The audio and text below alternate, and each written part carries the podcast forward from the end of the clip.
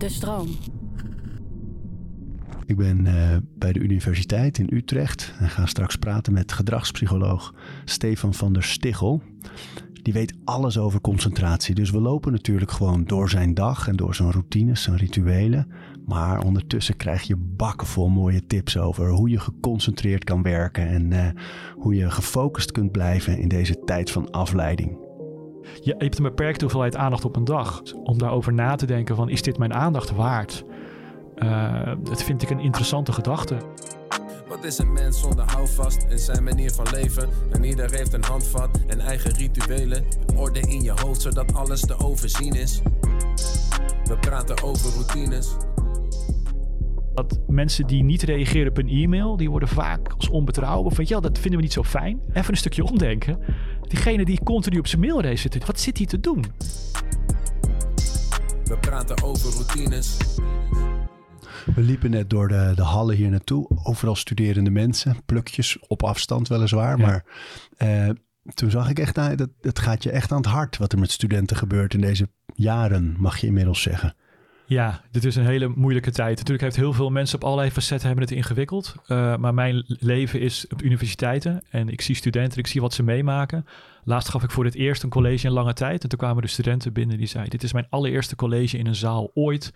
En ik zit al in mijn, diep in mijn tweede jaar. Het was de eerste keer dat ze een zaal in mochten. En dat waren dan een subsetje. Toen mochten er maximaal 75 in. De rest zat thuis via camera mee te kijken. Toen dacht ik: Oh man, dat is wel heftig voor hun. En, Want wat zie je dan? Wat, uh, om, dat, om dat beelden te maken, wat ze meemaken? Nou ja, dit is natuurlijk een hele vormende periode in je leven waarin je heel veel studenten, mensen voor het eerst niet meer thuis wonen, op een eigen plek wonen, kleine kamertjes, uh, onzekerheid, nieuwe situatie, dingen willen ontdekken. En dat mag dan niet. En dat kan niet. En je ziet ze daarmee worstelen. Er is, dat merk je ook wel, weinig groepsvorming binnen studenten. Dus ze zijn vaak alleen. Terwijl het een periode is waarin je in een andere tijd toch wel mensen op gaat zoeken en vrienden gaat maken en in groepen je, jezelf beweegt. Um, en ze hebben motivatieproblemen. In het begin vinden ze de studie fantastisch. Maar je raakt gemotiveerd doordat je in een collegezaal zit en ziet hoe andere mensen ook begeisterd worden. Niet voor niks dat universiteitsbibliotheek altijd vol zitten. Weet je, je zoekt elkaar op, want zien studeren, dat motiveert ook om te studeren en om aan de bak te gaan, om met elkaar te praten. En waar in het begin nog wel eens de camera's aangingen van studenten, zie ik nu dat ze heel vaak uitblijven. Ook omdat er natuurlijk geen directe reden is om je camera aan te zetten. Maar ze zien elkaar dus ook niet meer. Lijkt me als je les geeft ook raar, hè? Dat is gewoon al die zwarte vlakjes. Ja, het kost heel veel energie. Van college geven krijg ik normaal energie. Als ik nu achter de camera college geef, dan ben ik moe na afloop. Gewoon omdat je alleen maar geeft, geeft, geeft en je krijgt niks. En dat neem ik hen totaal niet kwalijk. Uh, ik zou ook niet weten hoe dat anders moet. Uh, maar het is absoluut een feit dat die zalen, daar zit toch een energie in die beide kanten inspireert. Mijn colleges zijn echt stuk leuker in een zaal. Omdat ik zie dat iets aankomt, dat een grapje aankomt, dat ik zie dat ze het interessant vinden, dat er een vraag gesteld wordt. En nu, ja, ik hoop maar dat ze het leuk vinden. Dat zie ik dan later terug op de evaluaties. En natuurlijk zijn er wel ook wel, je kan ook wel interactie creëren, maar het, het benadert voor mij bijna niet echt wat er in de werkelijkheid gebeurt. We gaan het uh, volop hebben over, uh, over aandacht, concentratie. Mooie ja. boeken die je daarover schreef. En alle tips en tricks die we mensen nu ook mee kunnen geven. Omdat dat misschien nog wel meer dan ooit weer speelt. Het is niet alleen een tijd van heel veel afleiding. Maar ook een tijd van heel veel stress en druk. En ja. alles is anders qua ritme en structuur al, al heel lang. Maar uh, dat doen we wel aan de hand van jouw dag. Dus ja. laten we gewoon eens aan het begin beginnen. Je staat vast een keer op. Ik sta vast een keer op. En dan is het uh, flink aan de bak. Uh, want er lopen twee, uh, lopen twee kleine rond. Die moeten allebei naar school. dus dat is, dat is gewoon de eerste run. En ik heb altijd de graveyard shift noemen we thuis. Ik ben de ochtendman. Ik heb redelijk, kan redelijk makkelijk opstaan. En ik vind het niet zo vervelend. Ik vind het altijd wel heel gezellig ochtends. Dus ik ben de drijvende kracht s ochtends thuis. En ik zorg. En de Uithof, de Science Park waar we nu zijn, is ook tussen mijn huis en de basisschool in. Dus ik ben ook degene die ze brengt. Want dan kan ik meteen door. Uh, dus dat is, de, dat, is de, dat is de go, zeg maar. Dat is het moment. Maar meestal heb ik de avond daarvoor me al wel voorbereid op wat die dag gaat brengen. Want dat vind ik altijd wel heel prettig. Ik ben van de lijstjes en, en ik schrijf op en ik maak planningen. Ik ben heel erg van de planningen en de, precies weten hoe een dag eruit gaat zien. Dus ik word ochtends wel wakker al met het idee... dit is wat de dag gaat brengen. Het wordt geen chaos, zomaar zeggen. Ik hou van die structuur. Ik weet waar mijn rustmomenten zullen zitten. Waar ik misschien even naar buiten kan, kan gaan wandelen. Sommige mensen noemen, vinden dat een beetje overdreven, maar ik vind dat werkt voor mij gewoon goed. Want eh, dat lijstje, dat, dat maak je s'avonds Ja. eigenlijk. Hij is nu al klaar voor het weekend. We zijn nu op vrijdag, nemen we dat op. Ik weet eigenlijk al precies wat ik in het weekend ga doen. Want eh, wat nemen ze mee door die lijst? Hoe, je bent er Nou ja. trots op. nou, nou ja, ik trots op, maar ik moet er een beetje, omdat andere mensen dan nu waarschijnlijk ook denken, oh, wat zou dat voor een persoon zijn? Maar dat, ja, dat, het werkt voor mij omdat ik, het geeft mij rust, omdat ik weet dat dingen die voor mij belangrijk zijn, die gaan lukken. Ja. Eh, dus als ik het op zaterdag belangrijk vind om, om een stuk te wandelen of te hard te lopen, dan weet ik dat me dat gaat lukken. En ik hoor heel veel mensen die dan zeggen van ja, ik ben, kom daar niet aan toe en ik kom daar niet aan toe. Ja, dat zal mij niet gebeuren omdat ik het inplan. Je, je moet ook wel flexibiliteit houden en je moet het gezellig houden voor de mensen om je heen. Eh, maar ik moet bijvoorbeeld elke dag de krant gelezen hebben. En dat, moet, dat wordt ingepland. En dat werkt, want het lukt. Op mijn manier lukt me dat dan. Het geeft mij heel veel rust. Een lege inbox geeft me rust. Het einde van de dag is die inbox leeg. En dan, dan zit hem of ik schet op een lijstje of het gaat. Maar het is allemaal wel in, in structuren eh, zit het. En die lijst, is dat eh, pen en papier? Dat is altijd pen en papier. Ja, en ja. eh, eh, deel je het in in categorieën of is het gewoon echt 1, 2, 3, 4? Het is een dag met uren. Aan de rechterkant staan losse flarden die ergens in moeten gaan passen. Ehm, en die ik nog even ergens tussendoor moet gaan doen. Die is niet ingepland zijn. En de rest is het gewoon een agenda met, met eh, aangetekend een dag, wat er op die dag gaat gebeuren. Ik moet voor mijn werk een elektronische agenda gebruiken, maar dat vind ik niet fijn. Eh, dus eh, dat doe ik niet. Ik heb een papieren agenda. En ik heb ook een elektronische agenda. Als mensen me daarvoor willen uitnodigen, vind ik het prima. Maar dan gaat het in mijn papieren agenda. En we weten ook uit studies dat toch maar even de wetenschap erbij te halen. Ja, ja, kom maar meteen. je zit op een universiteit, dat het is een beetje wat ik doe. Eh, is het toch zo dat op het moment dat je met pen en papier mag interacteren, dat dat een stuk beter werkt. Waarom? De reden daarvoor is, pen en papier geeft je, op het je bijvoorbeeld aantekeningen maakt, geeft pen en papier je de mogelijkheid om creatief te zijn met je, de manier waarop je kennis representeert. Als je iets opschrijft in, in een Word-document, heeft het alleen maar deze horizontale richting. En je kunt niet pijlen trekken, eh, je kunt geen cirkels maken. En als je, eh, als je kennis ontvangt, als jullie naar deze podcast luisteren en je schrijft mee, je maakt aantekeningen, dan moet je geforceerd om na te denken, welke vorm ga ik dit in representeren? Ga ik cirkel, ga ik onderstrepen, ga ik pijlen trekken, ga ik dit linksboven zetten, ga ik hokjes maken? En ook al gooi je daarna die aantekeningen weg, dan weten we dat je die kennis veel beter hebt opgeslagen dan op het moment dat je maar gewoon sit back, relax en enjoy the show omdat je dan niet actief met die stof aan de gang gaat. En elektronisch, je kan natuurlijk ook tekenen op een iPad, dat weet ik. Eh, dus dat is net zo goed. Eh, het is niks bijzonders aan de substantie papier, zullen we maar zeggen. Maar het gaat dus om de representatievorm die je kiest. En dat, dat werkt dan dus op je concentratie door of op je opname. Op je opname. Eh, je, omdat je dus na moet denken over de vorm, ga je ook nadenken over wat betekent dit. Als, ik, als je nu een nieuw stukje kennis krijgt, dan ga je nadenken, oké, waar past dit in mijn visuele representatie die ik aan het maken ben? En anders tik je gewoon maar door. Dus de studenten met het college zitten gewoon mee te tikken. En studenten die zitten te, te, te tekenen, die zitten na te denken over, oké, waar zit dit? Eh, past dit daarbij? Lijntje, eh, onderstrepen. Dit moet ik, oké, dit, dit moet ik misschien even arceren. Eh dan kan ik er later nog dingen aan ophangen. Eh, die, die, die, die mindmaps en zo. Allemaal dat die, die, die, die, die, die zorgt dat kennis, omdat je er actief mee aan de slag gaat, beter wordt opgeslagen. En zou dat ook zo zijn als je een boek leest en je eh, st- onderstreept dingen, je, dan werkt het precies Het zo. werkt precies hetzelfde. Ja, je gaat er dan mee aan de slag. Ik, heb, ik lees ook altijd met een pen erbij. En dan, dan kan ik dingen onderstrepen of even in de kantlijn wat zetten. Dat dwingt je op een bepaalde manier dus om eh, te kiezen wat, voor, wat, de, wat de plek is van een stuk tekst in het hele verhaal. Ja. En, en ja, of voorin.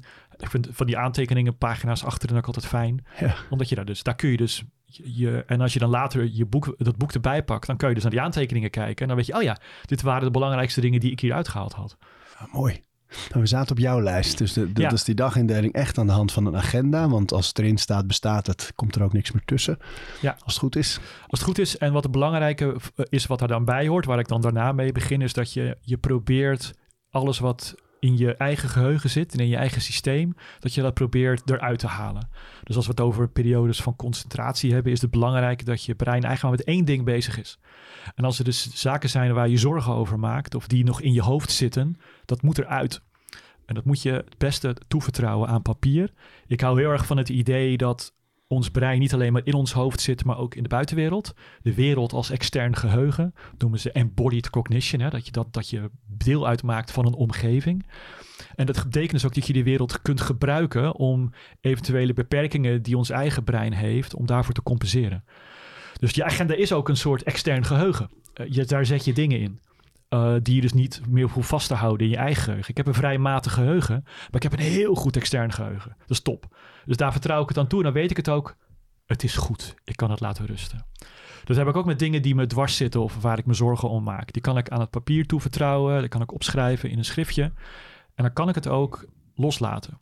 Ook dat weten we weer uit studies. Ik vertellen Ja, hoe zo'n hoe zo'n hoe zo'n experiment werkt. Ja. Dus je hebt twee groepen proefpersonen. En de ene, ze moeten allemaal iets vervelends gaan doen. Iets waar ze zorgen over maken. Nou, wat vinden studenten eng? Iets presenteren voor een grote zaal. Nou, dus dat geef je ze als. Dat, is, dat werkt klassiek. Tegen de ene proefpersonen zeg je... oké, ga maar tien minuten in een kamer zitten... en ga er maar over nadenken... en ga maar zo het podium op. De andere groep zeg je... je mag, het, je mag, het, je, mag, je, mag je zorgen van je, afschrijven. Nou, als je naar kijkt naar stresslevels... En, en hoe mensen zich presteren... de groep die dat aan het papier mocht toevertrouwen... kan zich beter, daarna beter... heeft lagere stressniveaus en presteert beter... vergeleken met de groep die alleen achter werden gelaten... en dus die zorgen niet kwijt konden aan het papier. Dat heet ook cognitive offloading. Je bent het echt aan het ontladen uit je systeem en het toevertrouwen aan iets in je externe wereld.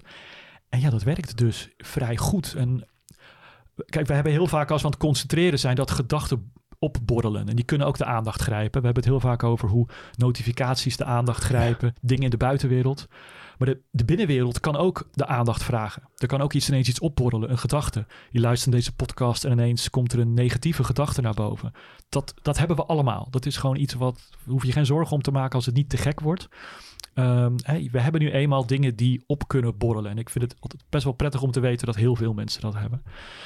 Ehm, en dat kun je dus proberen, ehm, net zoals je notificaties uitzet in de buitenwereld en je geen WhatsAppjes hoort binnenkomen, kun je dus ook voor zorgen dat je je interne notificaties tijdelijk kunt uitzetten, door ze voordat je je gaat concentreren toe te vertrouwen aan het papier of aan iets anders. Of aan een, eh, of en dan zorg je ervoor dat je dus, eh, dan, dan heb je minder kans dat je er last van gaat hebben tijdens een periode van concentratie. Dus voordat je echt iets moet gaan doen. Ja, Ik, ik, het doet heel erg denken aan, je hebt een, eh, een meditatievorm eh, voor de avond, waarbij je eh, de gedachten, eigenlijk de losse eindjes een beetje gaat, gaat benoemen. Ja. Wat zit er nog in mijn hoofd? Ja. Oké, dat zit nog in mijn hoofd. En er verder niks mee doen, maar gewoon alleen maar signaleren. En dat helpt al. Maar het zou dus nog sterker zijn als je het opschrijft. Ja, want dan weet je ook dat het later weer opgepakt kan worden. En dat geeft mij in ieder geval rust. Dus als ik s'nachts wakker word en ik heb ineens een idee, een ingeving of iets waar ik me wat met zorgen om maak. Dan had ik in het verleden wel eens dat ik al heel lang wakker kon liggen. Omdat ik denk, oh man, ik ga er iets over piekeren. En s'nachts pieker je altijd veel meer, omdat bepaalde hersengebieden staan uit als je slaapt. Ook als je wakker ligt. En dan pieker je- je, meer. Waardoor Dus je veel makkelijk gaat piekeren, waarbij je normaal in een gedurende dag jezelf rustig kunt praten en het kunt bagatelliseren of even wegredeneren. Lukt dat s'nachts? Dat zullen heel veel mensen herkennen. Heel erg lastig. Dan malen. word je 's ochtends wakker en dan denk je, waarom maakte ik me hier nou druk om? Bel diegene even op en het is opgelost, zeg maar. Maar s'nachts ga je malen en dat komt omdat je dan in een andere modus zit. Je, je brein is niet helemaal wakker. Ook al denk je dat je wakker bent, is dat vaak niet helemaal zo. Ik bedoel, eh, eh, slaap wakker is niet alles of niks. Het is geen, er zitten ook standen tussen, zullen we maar zeggen. Maar hoe kan het dan dat je brein dan één zo'n ding wel, dat daar echt op kan gaan kouwen en dat dat zo levendig kan zijn? Ja, de theorie daarachter is, is dat we natuurlijk die frontaalkwab hebben, die ons, de, de dirigent van ons brein, die normaal bepaalde delen van het brein wat kan temperen. En eh, andere delen wat meer aandacht kan geven en wat meer kan activeren. Dus je moet eigenlijk voorstellen dat je de, dirigent van je brein is er niet. Waardoor het dus een chaos kan worden s'nachts. En als die dirigent slaapt, dan gaat een orkest geen mooi muziekstuk spelen. Dus nou, dat, is, dat is wat er s'nachts gebeurt. En als je dan s'nachts zegt van oké, deze gedachte schrijf ik even op. Wie ga ik morgen mee aan de slag? Het- dat geeft dus rust van dit komt, dit ga ik oplossen.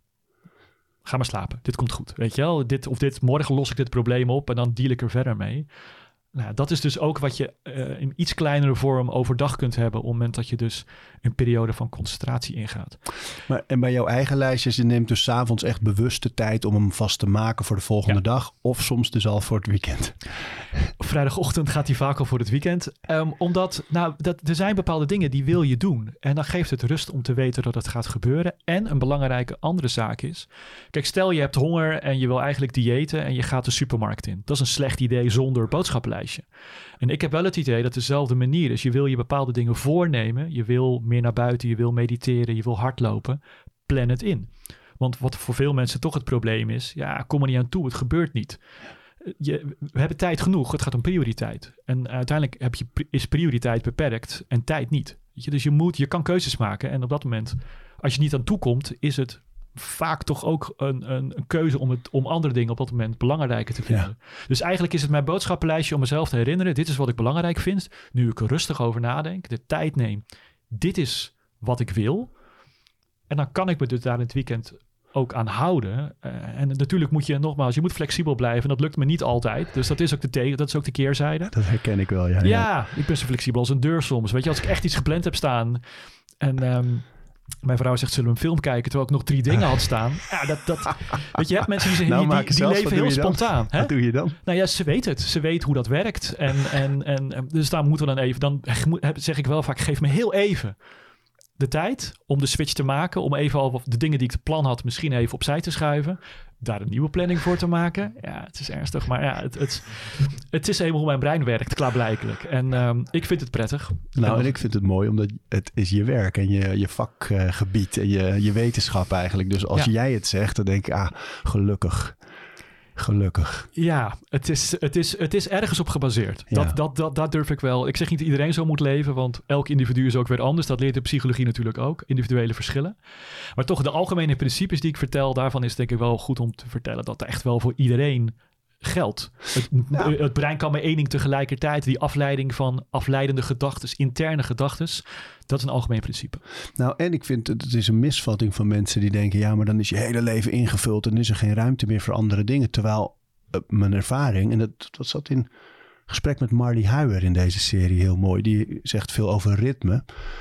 Ehm, en zij zei, op het moment dat die structuur enigszins vaststaat, ontstaat daartussen heel veel ruimte. En dan gebruikt ze het voorbeeld van een drummer die een vast ritme drumt, maar daartussen heel erg lekker kan variëren. Of dat als jij van je woning naar de universiteit reist, dat is dezelfde A naar B elke dag, maar je kan tien routes kiezen. Mhm. Dus er zit heel veel ruimte en variatie, juist omdat die structuur er staat.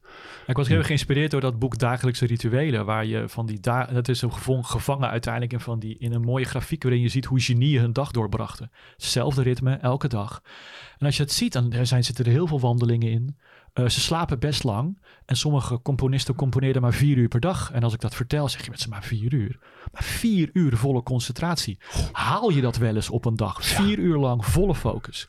Dus als je zorgt dat je alle andere dingen, als je het vast inplant. Dus je elke dag plant, dus dat je 10 en 12 concentreert en tussen 2 en 4. Ja, er zijn heel veel mensen die, die dat niet redden omdat je het niet voor jezelf afbakent van mijn e-mail gaat uit, mijn telefoon gaat uit, ik ga nu twee uur lang volle focus. De mensen op mijn werk weten ook dat ik onbereikbaar ben. Dus ik hoef me niet schuldig te voelen als ik nergens op reageer. Het vereist wel dat je communiceert met je omgeving, vooral met thuiswerken.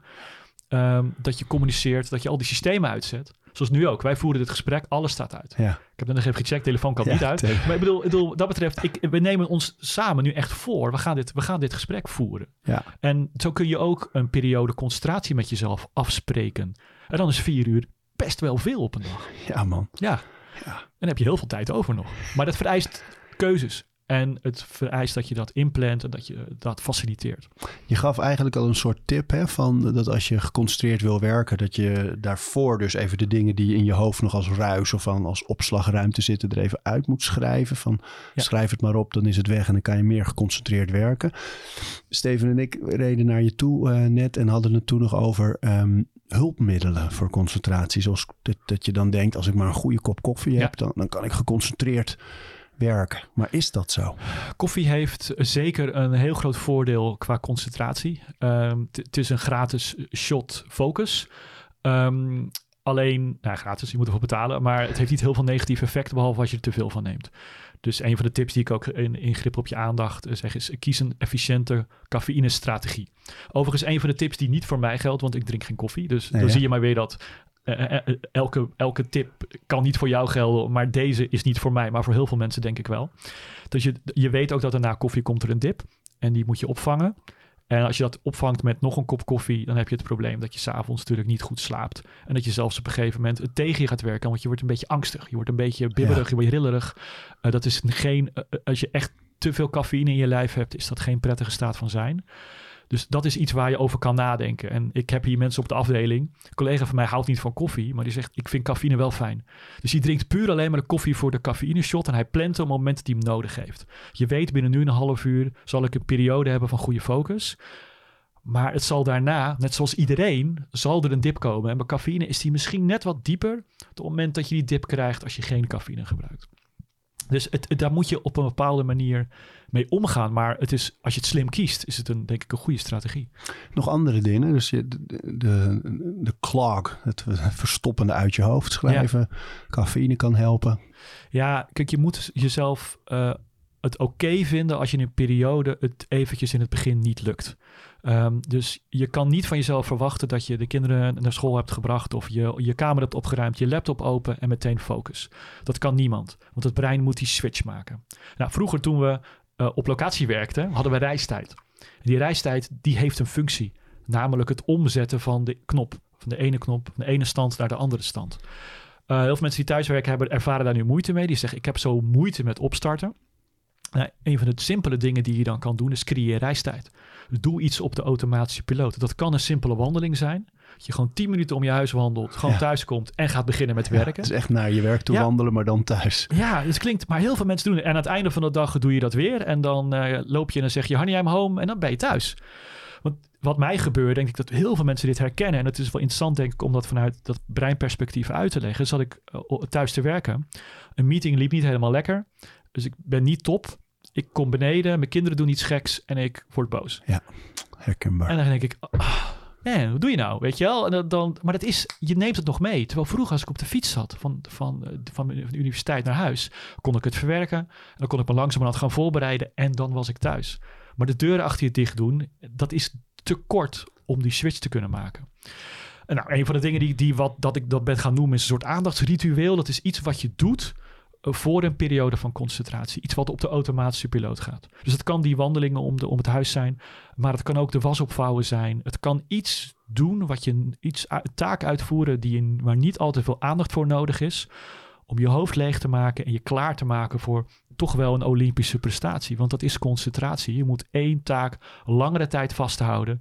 Terwijl je externe en interne afleidingen uh, probeert te negeren. Dat is gewoon hartstikke moeilijk. Voor Cappuccino maken voor een Zoom-afspraak bijvoorbeeld is ook zoiets. Zeker. Iets waar je eh, iets, iets simpels, iets, iets huishoudelijks, de vaatwasser uitruimen. Maar dan wel die tijd alvast gebruiken om jezelf klaar te maken. En denk aan de 100 meter sprint, Olympische finale, die voorbereiding. Nou, daar een stukje van. Ga alvast visualiseren. Wat gaat er gebeuren? Hoe, hoe, uh, wat, is mijn, wat is mijn aanpak?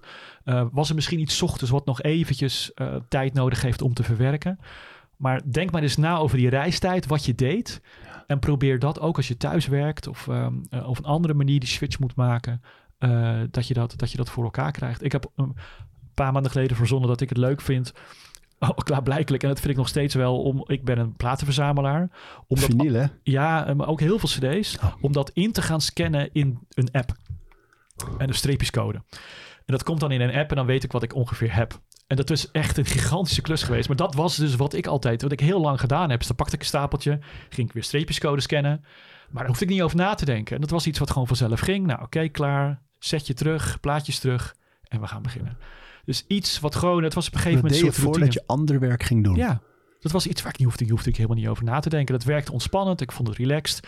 En ik was er natuurlijk met mijn gedachten niet helemaal daar op dat moment daarbij. Dat hoeft ook helemaal niet. Als je de vaatwasser uitruimt, doe je dat ook op de automatische piloot. Maar dat is een ritueel. Ik moet ook altijd een paar websites bezoeken voordat ik echt daadwerkelijk kan beginnen. Dat is geen uitstelgedrag. Dat, dat zie ik echt als jezelf klaarmaken voor wat er daarna moet gaan gebeuren. Soms heb je wel eens een half uur nodig voor een goede periode van twee uur concentratie. Wees daar niet te negatief over. Dat, dat hebben heel veel mensen. Het is geen uitstelgedrag. Het is pas uitstelgedrag als je allerlei negatieve emoties ervaart bij dat werk. Als je er gewoon zin in hebt. Maar het mooie van hoe jij dat deed is dat je ook nog die andere enorme klus. Ja ogenschijnlijk soepel geklaard hebt. Ja, Omdat je gewoon elke keer een beetje doet natuurlijk. Overzichtelijke stappen. Je knipt het, je knipt het in, je knipt het in, in, in, in stukjes. Ja. Best the best of both worlds. En ik heb het nu altijd bij me. Bij ik gooi nog even een paar dingen je kant op waar wij het met z'n tweeën over hadden voordat we hier aankwamen. Steven zei dat hij ook heel vaak als hij bijvoorbeeld lijstjes, rijtjes moest leren, stampen vroeger, dat hij zo met zijn knieën tegen elkaar, zo, maar best wel hard, een soort ritme, maar misschien ook wel een beetje pijn creëerde om dat stampen. Maar, en dat Hoe komt dat? Nou, waar ik me meteen aan moet denken zijn mensen, en daar hoor ik ook bij, en misschien heb jij dat van ook, die een beetje moeite hebben met stilzitten.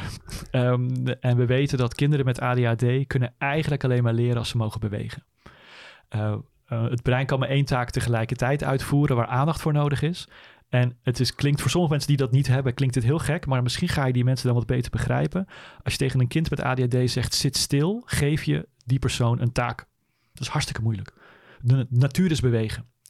Dus wat, wat doet een kind met ADHD waar je tegen zegt, zit stil en luister? Die geef je een onmogelijke opdracht. Aandacht is nodig voor luisteren, aandacht is nodig voor stilzitten. Een kind met ADHD wat stil zit, luistert niet. Dus die moet bewegen. Uh, en dat vind ik met die Zoom calls ook altijd uh, en Teams heftig. Ik zie mensen kaarsrecht achter de camera zitten. En ik sloop alles om mij heen. En ik ben alleen maar bewegen, bewegen, bewegen. En dan pas kan ik luisteren. Dus mijn beste gesprekken zijn ook als ik... We zitten nu stil. Ik vind het een aardig gesprek. Maar je ziet, ik ben niet helemaal stil. Hè? Ik zit niet, ik zit niet super. Ja. Maar dit zou een nog beter gesprek zijn als we zouden mogen wandelen. Zeg maar. dan, dan hoef ik me niet echt bezig te zijn met stilzitten. Ik heb geen ADHD, maar voor mij Steven stilzitten... Niet, volgens mij. Ja, maar ADHD is ook niet alles of niks. Hè? Ik bedoel, dit herkennen heel veel mensen. Maar dan is ADHD een soort extremiteit om het dan uit te leggen... wat denk ik heel veel mensen ervaren. Dat je na zo'n dag zoomen helemaal stuk bent. Omdat het gewoon moeite heeft gekost om de hele dag niet te hoeven te bewegen. Dus dip, doe dat niet. Ga Blu Bluetooth headset. Je, hoeft niet, je kop hoeft niet de hele dag in beeld. Uh, je mag heel veel meetings ook gewoon lopend doen. En sterker nog, dat werkt in mijn geval veel beter. Dus misschien is dat waarom jij graag be be be bewoog tijdens het leren. Want dan, ja, dan, dan, dan hoef je daar niet op te letten. Dan gebruik je je lichaam ook weer een stukje embodied cognition. Om die kennis op te slaan. Er is ook een studie geweest waarbij één groep proefpersonen uh, een toneelstuk, een, een, stuk tekst moest onthouden, maar dat moesten ze ook uit gaan beelden, terwijl de anderen het alleen maar van papier mochten lezen. Nou ja, je snapt al welke groep het beter kon onthouden, die de hele lichaam mocht gebruiken, zodat je geheugen niet alleen maar verbaal is, maar ook lichamen. Dan gebruik je ook een ander stuk geheugen, wat dat dus kan ondersteunen. Verstevigen. Verstevigen, ja. En dan, uh, je, je bent ook altijd beter in kennis ophalen in dezelfde ruimte waar je het ook geleerd hebt. Dus je moet het tentamen altijd maken in hetzelfde lokaal als waar je, het waar je, de, waar je de kennis geleerd hebt. Je slaat al die kennis op met alle zintuigen en met alles wat je hebt. Oh, mooi man. Ja, het is een mooi vakgebied, hè? ja. Hey, en uh, wat, wat, ik vaak heb, hè, dus ik werk nu bijvoorbeeld aan een stuk en ik kom er niet uit en dan ga ik zitten en dan uh, elke handreiking die me gedaan wordt om te vluchten voor het werk nog even. Dus uh, Instagram, uh, WhatsApp, uh, toch nog een kop thee of koffie of gaan zetten. Of, en maar weg, weg, weg. De kleinste aanleiding gebruik ik om. Hoe ga je daarmee om? Ja, dan wordt het uitstelgedrag. Moment ja. het dus inderdaad gekoppeld is aan negatieve associaties met het schrijven van dat stuk, dan, dan is het dus niet meer een aandachtsritueel, maar dan wordt het, dan wordt het dus uitstelgedrag de simpele oplossing die je daarvoor toch altijd hoort, waar het uiteindelijk op neerkomt, ook die tip die, hier aan, eh, die je uh, vaak aan studenten geven, is door toch te proberen het uh, op te knippen, zoveel mogelijk klein te maken in haalbare doelen. Jezelf voor te stellen van wat het zou betekenen op het moment dat je dat afrondt. Nog even dit en dan mag ik. Jezelf toch een soort beloning langer termijn. Dat stuk voor jou, dat schrijf je met een reden. Het is heel belangrijk om dat in je ogen, in je, in je, voor je te houden. Van dit is waarom ik het doe. Dit is toch de reden waarom heel veel mensen foto's van hun kinderen op het bureau op het werk hebben staan. Van dit is waarom ik, waarom ik het doe. Hè. Dit, is, dit, dit, dit is wat... Uh, ze daar ook aan de zijkant? Ja, weet je, dat, dat motiveert om, om het weer even te zien. En om, om, om ook als je ergens geen motivatie voor hebt of ergens tegenop ziet, om het, om het te proberen. En als het niet lukt, jezelf het niet echt kwalijk te nemen. Want ik hoop dat uit zo'n podcast mensen goed begrijpen dat concentratie, het komt, je kan het afdwingen, maar eh, soms komt het niet. Soms zijn er gewoon dingen in je leven waardoor het je niet lukt om die interne afleidingen te negeren, omdat ze te heftig zijn of omdat je vermoeid bent. Um, en de belangrijkste tip in grip op je aandacht is volgens mij accepteren als het niet lukt. Morgen weer een dag, weet je, ga wat andere dingen doen. Je hebt het geprobeerd. Eh, als je alle randvoorwaarden geschept en het is niet gebeurd, oké, dit, dit is niet je dag. En uh, daar is dat thuiswerken denk ik wel fijn voor, omdat heel veel mensen toch in een 9 tot 5 stramien zaten.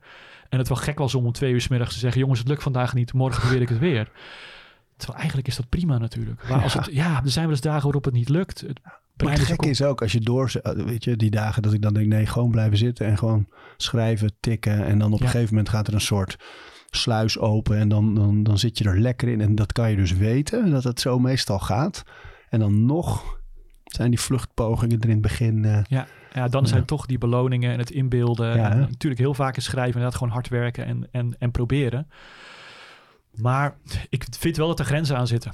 En op het moment dat het echt uh, moeizamer wordt en je kan hele duidelijke redenen aanwijzen waarom het niet lukt, omdat er te veel interne afleiding is of omdat je vermoeid bent, dan is het volgens mij beter om die zaken aan te pakken dan tegen de klippen in te gaan proberen.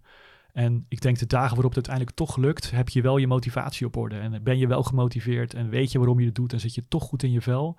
En dan ineens lukt het en gebeurt het. Uh, maar belangrijke, belangrijke is toch wel de voorwaarden scheppen. En het niet te heftig te nemen. Ik denk dat heel veel mensen toch met problemen zitten omdat ze van zichzelf vinden dat het moet gebeuren op die dag.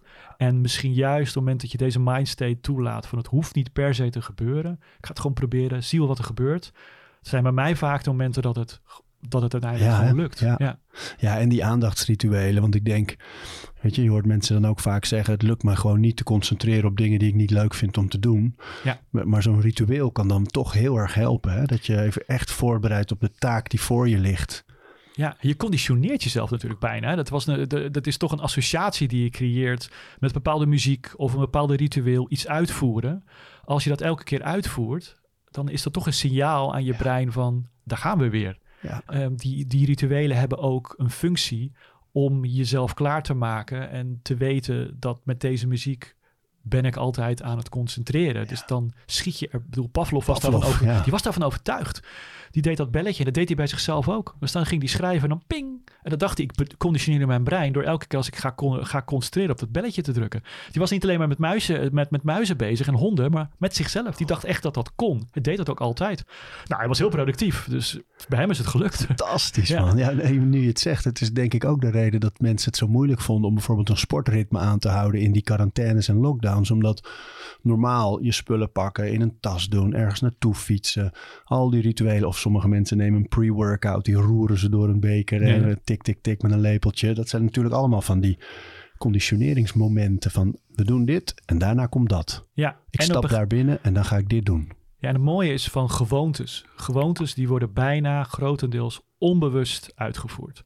Tanden poetsen doe ik elke ochtend. Denk ik niet meer bijna. Vind ik wel een mooi voorbeeld. Ik, ik had het bij mijn kinderen op een gegeven moment voor elkaar dat ze elke ochtend tanden gingen poetsen, behalve in het weekend. Want dan was het ritme er niet. En dan lukte het, het lukt me nog steeds vrij slecht. Ze vergeten het nog regelmatig, maar door de week vergeten ze het nooit. Omdat het deel uitmaakt van een bepaalde gewoonte die ze altijd, die ze altijd uitvoeren. Het mooie aan gewoontes is, is dat het dus geen bewuste beslissing meer is. Dat is ook het nadeel. Bepaalde gewoontes, we hebben heel veel gewoontes die we uitvoeren zonder we daar echt bewust over bij na te denken. Je mobiele telefoon pakken als je op de bus staat te wachten. Ja, als een reflex pak je hem. Je denkt er niet echt over bij na. Dus dat kun je inzetten ook om bepaald gedrag in te slijten. Dus als jij elke ochtend wil mediteren en je doet dat elke dag en je, je doet dat even een paar dagen bewust, dan op een gegeven moment zul je merken dat het een gewoonte is geworden, net zoals tandenpoetsen. Dat is wat ik doe, s ochtends. Maar het vereist even een tijdje intrainen.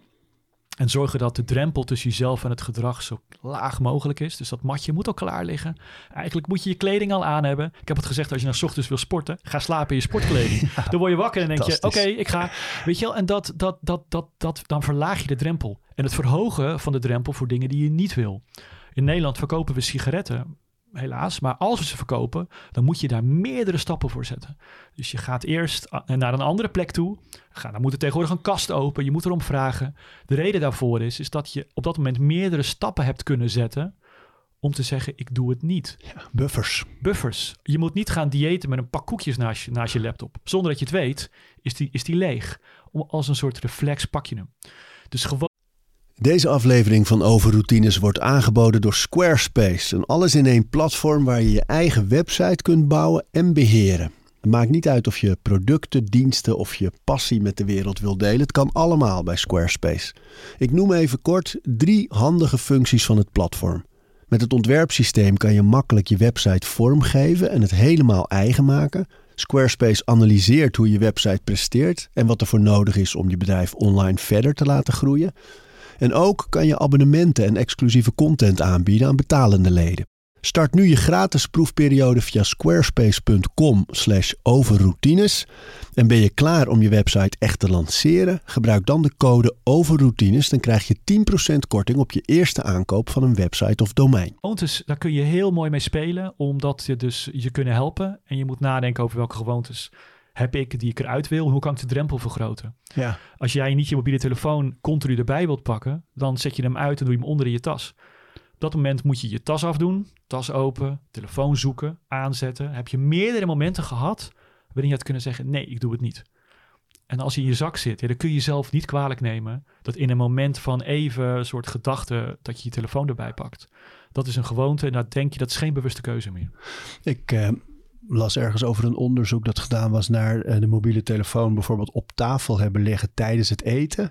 Eh, oh, je knikt al. Ken je, ken je dat ja, onderzoek? Dat, ja, dat, dat zorgt er natuurlijk voor dat hij eerder gepakt wordt en dat je ook minder aanwezig bent bij het gesprek. ja, en Dus hij ligt nu ook bij- out of view, zeg maar. Hè? Ja. Eh, ik Ja. wil hem niet zien. Nee, maar want hoe werkt dat dan? Dat als je weet, ik, ik heb het bijvoorbeeld wel eens dat ik weet, hij zit in mijn zak. Mhm. En dat ik misschien wel de neiging onderdruk, maar wel constant zou hem kunnen pakken. Ik wil, dan ga ik even checken, even Instagram checken, berichtjes checken. Ja, het is een gewoonte. Dus dat is iets waar je niet over nadenkt. Op het moment dat je hem voelt, dat, is, dat, dat heb je waarschijnlijk al heel vaak gedaan, dit gedrag. En dan is dat iets wat je eigenlijk heel makkelijk doet zonder erover bij na te denken.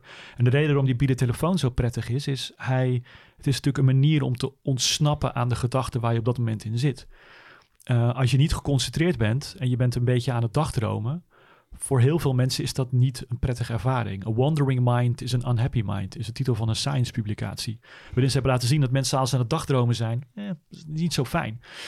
Ehm, en wat de, wat de oplossing daarvoor is, is die mobiele telefoon. Want dan ben je natuurlijk meteen daaruit. En je bent bezig met informatie verwerken. Dus je bent niet meer aan dat dagdromen. Dat mindwander is over. En wat we wel zien is heel veel mensen dat toch verkiezen boven even een periode alleen zijn met hun gedachten. Terwijl dat zo belangrijk is. Dat heeft zeker functie. Het heeft zeker functie. Het heeft functie voor opladen van je, voor je concentratie. We weten dat bijvoorbeeld na een wandeling in de natuur mensen zich beter kunnen concentreren. Ook dat zie je veel terug in die dagelijkse rituelen. Dat er veel wandelingen in zitten voorafgaand aan een periode van focus. Dat is natuurlijk logisch. Je concentratie komt tot rust als je hier in de bossen gaat wandelen.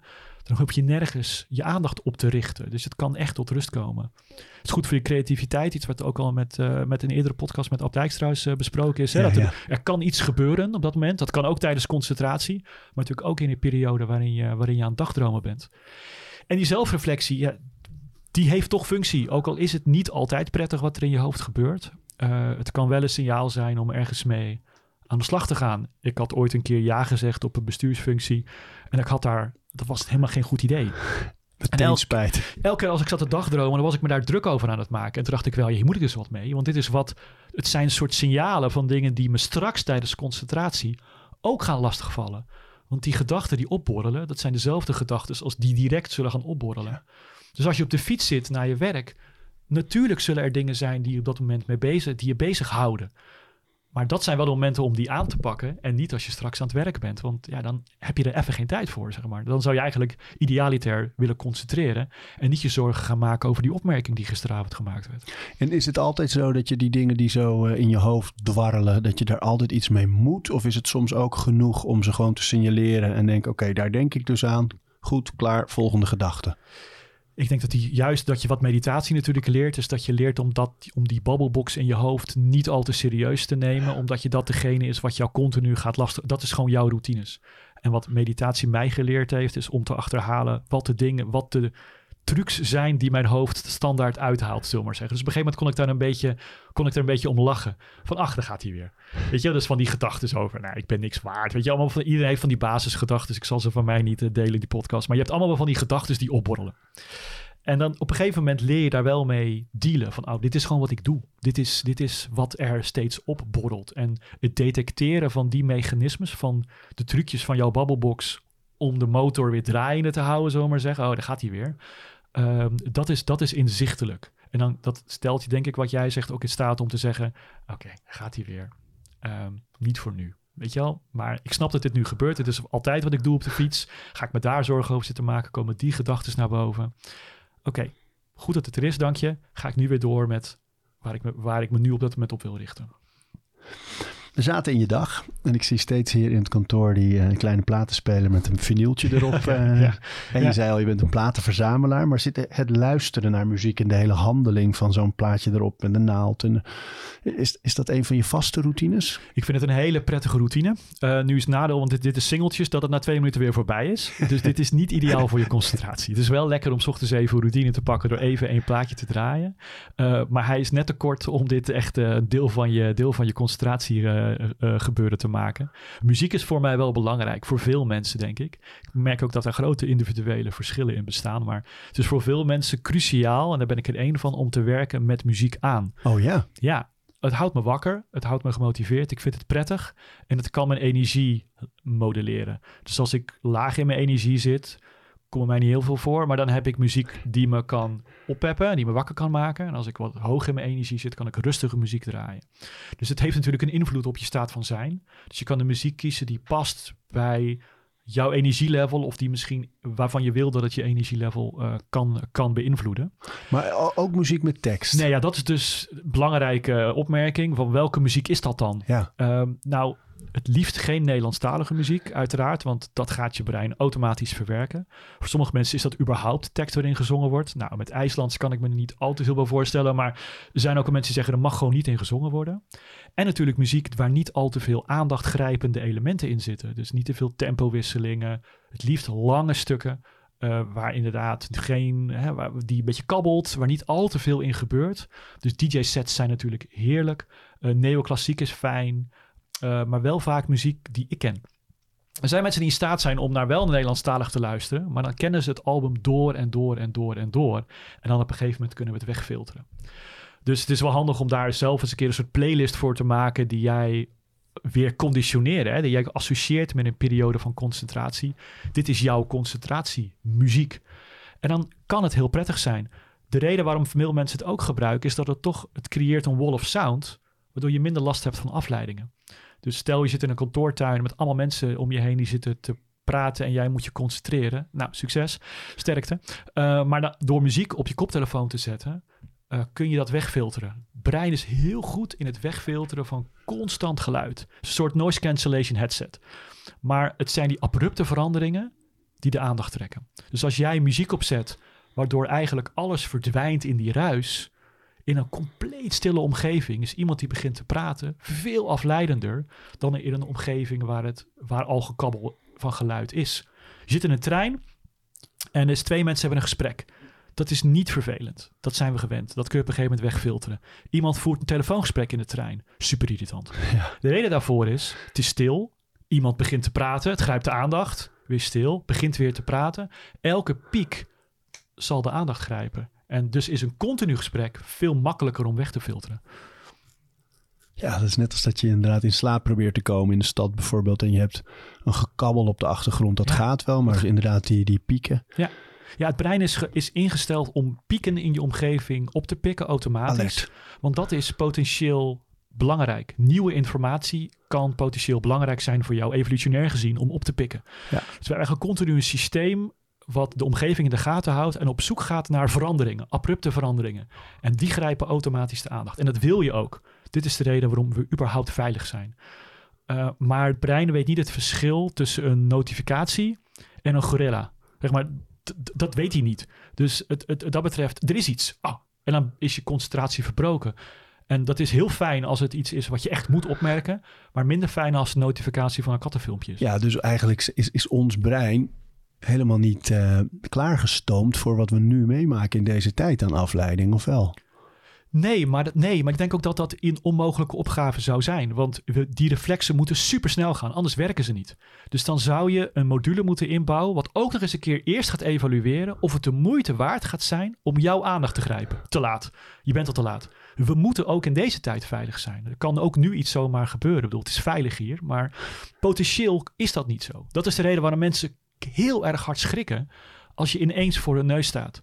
Dat is eigenlijk, je hebt het niet opgemerkt. Ik ben nader jou, tot jou gekomen en ik heb dat moeten opmerken. Dus de schrik is, ik ben in gevaar. daarom schrik je. Dat, wow, er is iets misgegaan. Ik heb iets moeten detecteren en dat is niet gebeurd. Dus sluipen is ook een goede strategie, omdat dat geen abrupte verandering is. Dus ik snap je opmerking, maar ik denk ook dat het een onmogelijkheid zou zijn om daarvoor te corrigeren. Het is aan ons om ervoor te zorgen dat we ons laten omringen in een situatie waarin er dus niet allerlei afleidingen zijn die onnodig zijn. Nee, maar als je het zo eh, vertelt, dan, dan kan ik me bijna geen reden voorstellen waarom je een notificatie op je telefoon aan zou houden. Nou, als dat het doel was van deze podcast, dan ben ik al heel blij dat we dat bereikt hebben. Nee, inderdaad, als je dat begrijpt, waarom zou je dat nou doen? Precies. Het is zo zonde. Het is hetzelfde met uh, in, een, in een werksituatie. Dat het verbaast me ook altijd zo dat mensen die niet reageren op een e-mail, die worden vaak als onbetrouwbaar. Of weet je wel, dat vinden we niet zo fijn. Ja, ik heb je toch een mailtje gestuurd. Ik heb toch een mailtje ja, geen garantie. Ja. En mensen die lekker snel reageren, stop toch? Ja, je stuurt een mailtje, super betrouwbaar. Je hoeft een mailtje te sturen, je hebt gewoon direct reactie. Ja. Even een stukje omdenken. Diegene die continu op zijn mail zit, wat zit hij te doen?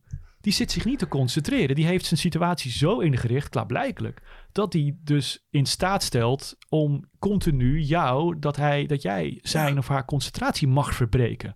En niet alleen jij, maar al die andere mensen ook. Ja, dus misschien is het handiger om dat maar een paar keer per dag te doen. Of in mijn geval alleen maar e-mail.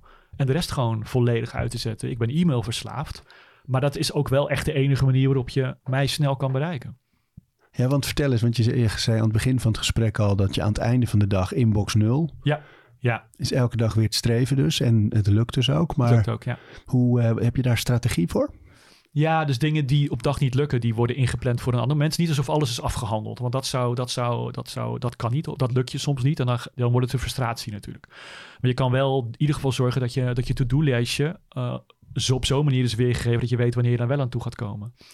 En dat geeft rust. Dan kan het gewoon naar een map en dan pik je het een paar dagen later weer, weer op van nou, dit, dit, dit heeft geen rust, dit, dit heeft geen haast. Um, maar mijn strategie is wel altijd zorgen dat er geen kleine klusjes meer over zijn. Want die, die laden op je systeem. Dus um, ik weet wel altijd wat er nog is aan werk. En de kleine dingen zijn wel vaak opgelost. Maar de reacties zijn dan wel altijd heel kort. Dus ik vertel mijn studenten ook altijd, en de mensen met wie ik werk, die weten dat. Als je van mij een e-mail krijgt, kan het ook gewoon ja zijn. Dat is niet kort. Dat is kort, is niet onaardig. Uh, maar dat zorgt ervoor dat ik snel kan reageren. En je weet hoe ik ben. Je kent me hopelijk, dus je interpreteert dit hopelijk op de goede manier. Als ik het vertel, dan snappen ze het ook. Ja, fijn dat je snel reageert. Um, maar dan begrijp ik ook dat ik niet eerst vraag hoe het met je weekend was. Ja, wij waren te laat vandaag. Uh, en ik, ik appte jou. Nou, want toen had je wel de app trouwens ook. Ja, je, ja, ja, ja, ja jij zou me. Ja, ja, ja, Ik had, we hadden afgesproken, ik zou appen. Als, ik zei, ik zei een heel verhaal waarom we te laat waren. En uh, hoe lang het nog zou duren. En tot zo, een excuus en, enzovoort. Echt vijf regels. Tot zo, kreeg ik terug. Twee woorden. Toen dacht ik, okay, dat, dat... Zou, zou die gepikeerd zijn omdat oh, ja, we shit, wat laat ja, dat zijn? ik iets moeten uitleggen. Nou, totaal niet. Ik, dat, je hebt nog een paar letters. Het had ook gewoon ok kunnen zijn. Of een duimpje, zeg maar. Ja, maar, nee, fantastisch. Nee, ja, dat, dat, dat werkt. Maar hoe ga jij om met wat er soms met mail gebeurt? Um, hey, zullen we binnenkort afspreken over? Uh, ja, dat is goed. Volgende komt weer. Uh, kan jij woensdag? Nee, maar wel donderdag. Oh, ik niet. Kan jij, weet je, dat je ineens zes, zeven mails verder bent over één dingetje. Terwijl als ik gebeld had, ja. dan had ik kunnen zeggen: hey, zullen we hierover afspreken? Wanneer kan jij? Wanneer kan ik? Oké, okay, bam, staat in de agenda klaar. Ja, door, toch wel, door te kijken hoe je de communicatie zo kort mogelijk kunt houden. Dus in mijn geval zou ik dan niet één datum voorstellen, maar meteen vijf of zes. Ja. En dan zit hij er, zeg maar, dus je, dat, dat zijn dan van die systemen die inbouwt om proberen om dat zo, te, zo kort ja. mogelijk te houden.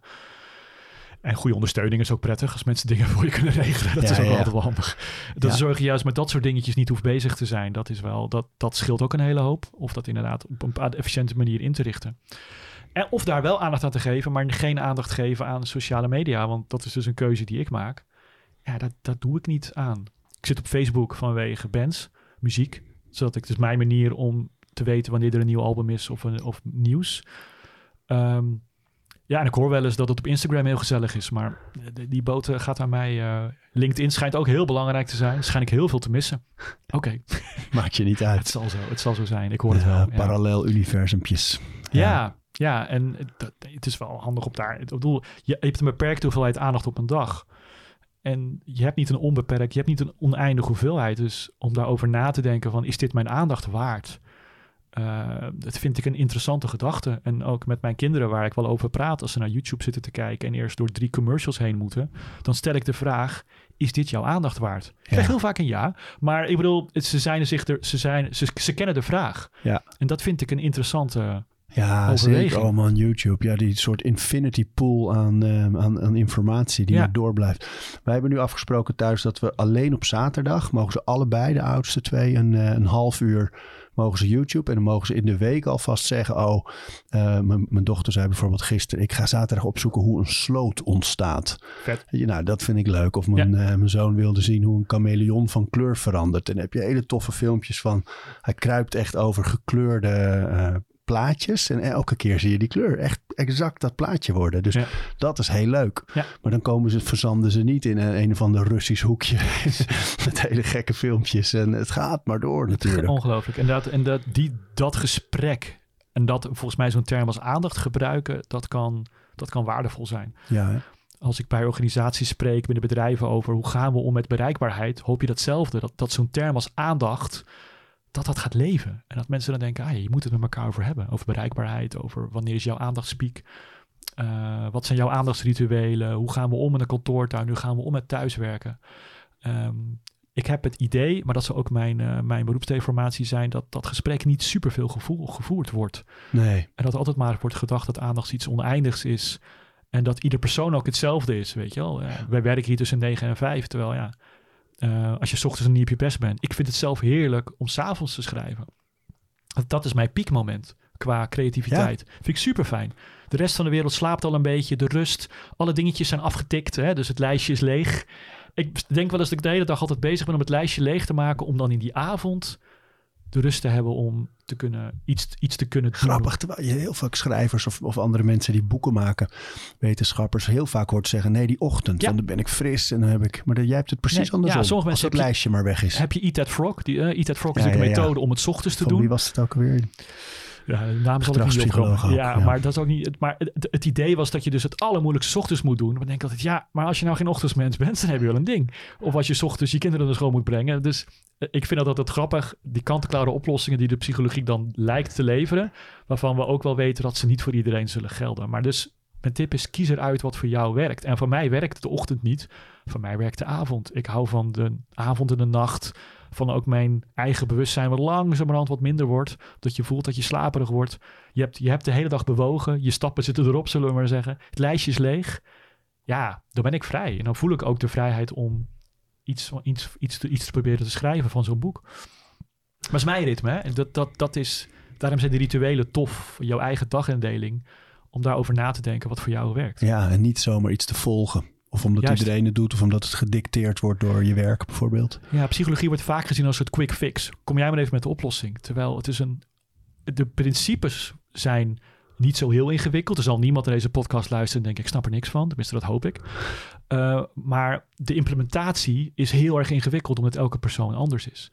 Dus de psychologie is zo veelbelovend dat er van ons uh, kant-en-klare oplossingen worden verwacht die voor iedereen gelden. Maar dat is niet zo. Nee, maar dus hoe kom je daarachter? Hè? Dus ja. hoe, hoe, weet jij bijvoorbeeld dat je in die dag genoeg moet bewegen, je lijstje weg moet werken en dat je dan s'avonds productief kunt zijn op creatief gebied? Er door toch meerdere van die strategieën. Die boeken zijn wel heel interessant. En het is, ik, uh, ik ken ook wel eens mensen die begonnen zijn om dat hè, dan s ochtends extra vroeg op te staan om zo'n uh, golden morning te hebben, hoe heet dat? Zo, ja, ja. Zo, zo, en dan na een paar dagen denken, nee dit is hem niet. Of Eat That Frog proberen. Of de kookwerker, de Pomodori-techniek. Ja, oh ja. ja, er zijn er zoveel. En na een tijdje denken, nee, dit is het niet. Of mensen die gaan mediteren. Ja, de Pomodori-techniek even, want de Eat the Frog is het allermoeilijkste. Het eerste doen van je lijstje. Ja. Um, die pomodori is een kookwekkertje zetten voor ongeveer de, de tijd van een pasta. Hè? 25 minuten moet je ja, hem doen. 25 minuten geconcentreerd werken. Gaat de wekker. Ga je even iets anders doen. Vijf minuten. Ja. Nou, mooie techniek natuurlijk, omdat het idee is, je beschermt je concentratie. Hè? Dat is echt een afgebakende periode. Dat vind ik er heel mooi aan. En daarna vijf minuten pauze om even dat hoofd uh, weer op te laden. Goed, ook mini-pauzes werken natuurlijk super. Maar die 25 minuten is een beetje gek. Het kan voor jou werken, maar als voor ja, mij nou zit niet... Je er net lekker in. Zit je net lekker in, dan gaat die kookwekker af. Ja. En terwijl het, sommige taken wil je misschien wel blijven volhouden. Terwijl Ja. je bij sommige taken na 10 minuten al denkt... Wow, klaar. Ik, ben, ik moet echt even pauze Oh houden. man, maar dat Gaat die moment dat je er kookwekker nog kwartier? komt. Dat je heerlijk zit. dat is je- flow. Mensen vragen wel eens wat is flow? En volgens mij is dat flow is. Dus jij bent de tijd bestaat niet meer, ego bestaat niet meer. Je bent één geworden met de taak. Ik heb dat op de tennisbaan heel soms. Dat je gewoon niet meer nadenkt over überhaupt. En op het moment dat je merkt, ik zit erin, is het weg. Ja, want dan ben je. Dan, zit, je, dan zit je op een Ja. metaniveau. Weet je wel, maar dat, het gevoel herken je wel. En dat, dat is, daar wil je geen kookwekker hebben in je omgeving. Nee. Ehm, dus het is toch ervaren van wat werkt wel en wat. Dus ik denk dat documentmethodes interessant zijn. Daarom geef ik ook 50 tips. En, en kies er maar Ja, uit. in, eh, in grip op je aandacht. Ja. zijn 50 tips. Ja, Andere boeken staan er ook veel in trouwens. ja, maar als er maar vijf werken, weet je, super. En meditatie ook. Al heb ik wel altijd vermoeden dat dat uiteindelijk voor iedereen wel eens nuttig kan zijn. En dat het gewoon een kwestie van blijven proberen is. Ja. En eh, het is voor iedereen lastig. Ehm, ik Ja. denk dat daar voor iedereen wat, voor iedereen wat in zit. Absoluut. En Maar- juist voor de mensen die denken, ja, ik heb daar de, de rust niet voor om te mediteren. Dan is het Of het lukt nu even niet. Ja, Ja. juist nu. Ja, Ja. ja. Dan, Dat is dan net dus, als- ja. met ijsbaden die mensen zeggen van, nee, de kou, dat kan ik niet. Nee, maar dat is nou precies de reden dat je deze overwinning moet, eh, moet Ja, boeken. ja. Hey, je, je zei al, je tennist, je loopt veel, je fietst naar je werk. Andere vormen van beweging nog? Nou, een van de eh, gewoontes die ik heb geprobeerd in te bouwen tijdens de lockdown. Ik denk dat heel veel mensen dat geprobeerd hebben. En ik heb ook een keuze gemaakt. Heb- Dit is ook een unieke tijd, omdat het me toestaat om iets nieuws in mijn leven te introduceren. Eh, dus dat was onder andere dat, dat hardlopen en proberen iets met gewichtjes te doen. Om proberen eh, wat sterker te worden. En door inderdaad gewoon twee grote gewichten midden in mijn kamer neer te leggen. En, en op een lijstje te zetten. En een lijstje voor vijf. Elke dag stond het in mijn agenda aan tijd. En op een gegeven moment merkte ik, het hoef ik, het, ik hoef het er niet meer in te zetten. Want het is eigenlijk iets wat ik één keer, in de, eh, één keer per dag automatisch even oppak. Eh, dus, dat, dus dat probeer ik ook. Maar dat is wel een mooi voorbeeld. Ik ben helemaal niet sterk of zo. Maar gewoon om te laten zien hoe je iets op een gegeven moment tot een gewoonte kan worden. Omdat je er eigenlijk niet meer omheen kan. Gewoon even over nadenken. Tijd lang dagelijks doen. In je kamer neerleggen. Op de grond. Ja, dan moet je er overheen gaan stappen op een gegeven Ja, moment. Dat is bijna meer werk dan even oppakken, zeg Echt maar. op het zicht. Echt op het zicht. En dan op een gegeven moment bouw je, bouw je zoiets in. En als, eh, want je, je merkt hè, hoe bevlogen je praat over je werk. Eh, aan het einde van die dag, dan heb je dus echt nodig dat lijstje is afgewerkt. Misschien schrijf je nog wat. Doe je nog andere dingen om goed in slaap te komen? Eh, heel vaak toch even wandelen buiten, omdat ik, op, dat ik die nacht zo mooi vind. ehm, is het toch wel vaak om half elf, elf uur dat ik denk, nou, ik zet nog even wat stappen of ik luister nog even mooie muziek. En ik geniet nog even van de omgeving om me heen. Want het leven van mij van voor de lockdown was dus toch als wetenschapper veel reizen en altijd op andere plekken genieten van de wereld. En ik heb wel geprobeerd om eh, wat meer op vakantie te gaan in mijn eigen omgeving. En dat is duurzaam en heel goedkoop. Eh, ik woon in een prachtige stad Utrecht. Ehm, en waar ik jarenlang in noodvaart doorheen gegaan ben. In mijn hoofd aan het nadenken. s- wisselkosten aan het opvangen. Van, en nu vind ik het prettig om te kijken of ik, of ik dat met een frisse blik kan benaderen. Om daar meer uit te halen. En er is ook zo'n boek waar allerlei kunstwerken in staan die in Utrecht te vinden zijn. En daar ging ik altijd keihard voorbij. En nu, nu kan ik er een zoeken en kan ik hem, kan ik hem gaan opzoeken. Wat doet dat eigenlijk? Nou, het zorgt er in ieder geval voor dat het moment dat je, je leert beter observeren. Dus je, het zorgt ervoor dat je meer uit je omgeving kunt gaan halen. En als je zelf een taak geeft terwijl je aan het wandelen bent, heb je ook wat minder de kans dat je gedachten onprettig gaan worden of in een bepaalde hoek terechtkomen.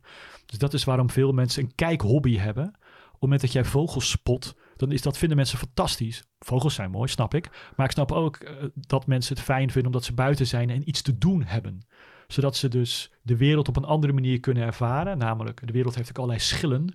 En je kan elke keer een andere versie van die wereld pakken. Als je op vogels gericht bent, dan zie je hele andere dingen dan als je op ehm, ehm, eh, slangen op de grond gericht bent. Ik sprak een natuurfotograaf en die zei: Vroeger fotografeerde ik slangen en nu vogels. Ik zie geen slangen meer. Ja, dat is dus logisch. Dat is vet om te zien dat je dus zelf kan bepalen welke variant van de wereld jij gaat waarnemen. En ik denk dat veel mensen hun eigen buurt ontdekt hebben als zijnde, het is hier eigenlijk heel mooi. En dat park hierachter is een prachtig park waar ik nooit de aandacht aan gegeven heb. Maar als ik in New York loop, dan denk ik, oh, een gaaf stad. Eh, en proberen die mindset op je eigen wereld toe te passen, zorgt ervoor dat je, dat je het fijner gaat vinden om naar buiten te gaan. En dat je ja, meer uit die wereld haalt. Eh, het, het wordt rijker of zo op een of andere manier. En het leren begrijpen dat die gaan wel erg ver, maar ik ga hem toch doen. Ik denk dat iedereen dat het ook leert dat je dus allemaal een andere versie van de wereld waarneemt. Dat creëert uiteindelijk ook onderling begrip. Uh, jij ziet de wereld op een andere manier dan ik, maar dat komt bij jij omdat jij op een andere manier naar de wereld kijkt en dus andere dingen eruit pikt. En die een mindset waarmee je naar de wereld kijkt, geeft je inzichten in dat je dus invloed hebt hoe je die wereld waarneemt. Uh, ga maar eens op kunst letten. Ga maar eens op fietsen letten. Ga de kerstbomen in huizen maar eens stellen. En je ziet ineens hele andere dingen. Mooi hè? Ja, dat vind ik heel tof. En uh, ik ben veel bezig nu met mensen die heel erg goed zijn in het kijken. En het is heel interessant om met fotografen, radiologen, luchtverkeersleiding. Uh, het is heel leerzaam hoe zij hun de wereld benaderen. En we waren eigenlijk bij je slaap, hè? dat je zei ga nog wandelen en daar kwam deze observatie eh, helemaal uit. Doe je nog andere dingen om in slaap te komen? Nee, verder, dat is een gaat goed. Dat, dat, dat, dat, gaat, dat gaat prima. Er ligt altijd de mogelijkheid om dingen te noteren. Weet ik, dat geeft ook rust. Nee, dat betreft is het dan, eh, is het dan geeft het me een lekker gevoel om te weten dat het lijstje leeg is. Het lijstje was te doen, het was haalbaar. Dingen die niet gelukt zijn, is oké. die zijn, maar die zijn, ook, die zijn ook alweer doorgeschoven. Ehm, en en dat, dat geeft mij rust. Ga toch even je boeken noemen. Ja, moet je doen. Bij deze hebben we veel besproken. Hè? Grip op je aandacht. Ja. Met 50 tips voor meer concentratie en focus. Zo werkt aandacht is een mooie. Opvallen, kijken en zoeken in een wereld vol afleiding. Is dit nou dezelfde of is het een andere? Nee, zo werkt aandacht gaat over de waarneming. Wat pik je op uit de wereld om je heen? Een heel klein beetje het boek over het kijken en aandacht grijpen. Ja. Concentratie is het aandacht vasthouden. Proberen, ja. proberen je aandacht zo lang mogelijk ergens op gericht te houden. Dus aandacht is het filter. Wat pik je op? En concentratie is het vasthouden van het filter door de tijd heen. Prachtig thema, hè? Ja, heerlijk. Daar kunnen we nog jaren over doorgaan. Zijn we er, Steven? Heb jij nog? Stefan, dankjewel. Graag gedaan, dankjewel. We praten over routines Dankjewel voor het luisteren. En voordat je weer doorgaat naar andere dingen, wil ik je nog even wijzen op Over Inspiratie. Dat is het mailtje dat ik elke donderdag rondstuur met drie tips. Dingen waar ik zelf veel aan gehad heb. Kunnen producten zijn, artikelen die ik gevonden heb online, onderzoeken uh, Instagram-accounts, podcasts, boeken, van alles eigenlijk. En ik denk dat je daar zelf ook veel aan kunt hebben. Dus vind je het leuk om dat mailtje elke week te ontvangen? Dan kun je je opgeven op ariboomsma.nl onderaan de pagina. Dan krijg je voortaan elke donderdag in je mailbox over inspiratie.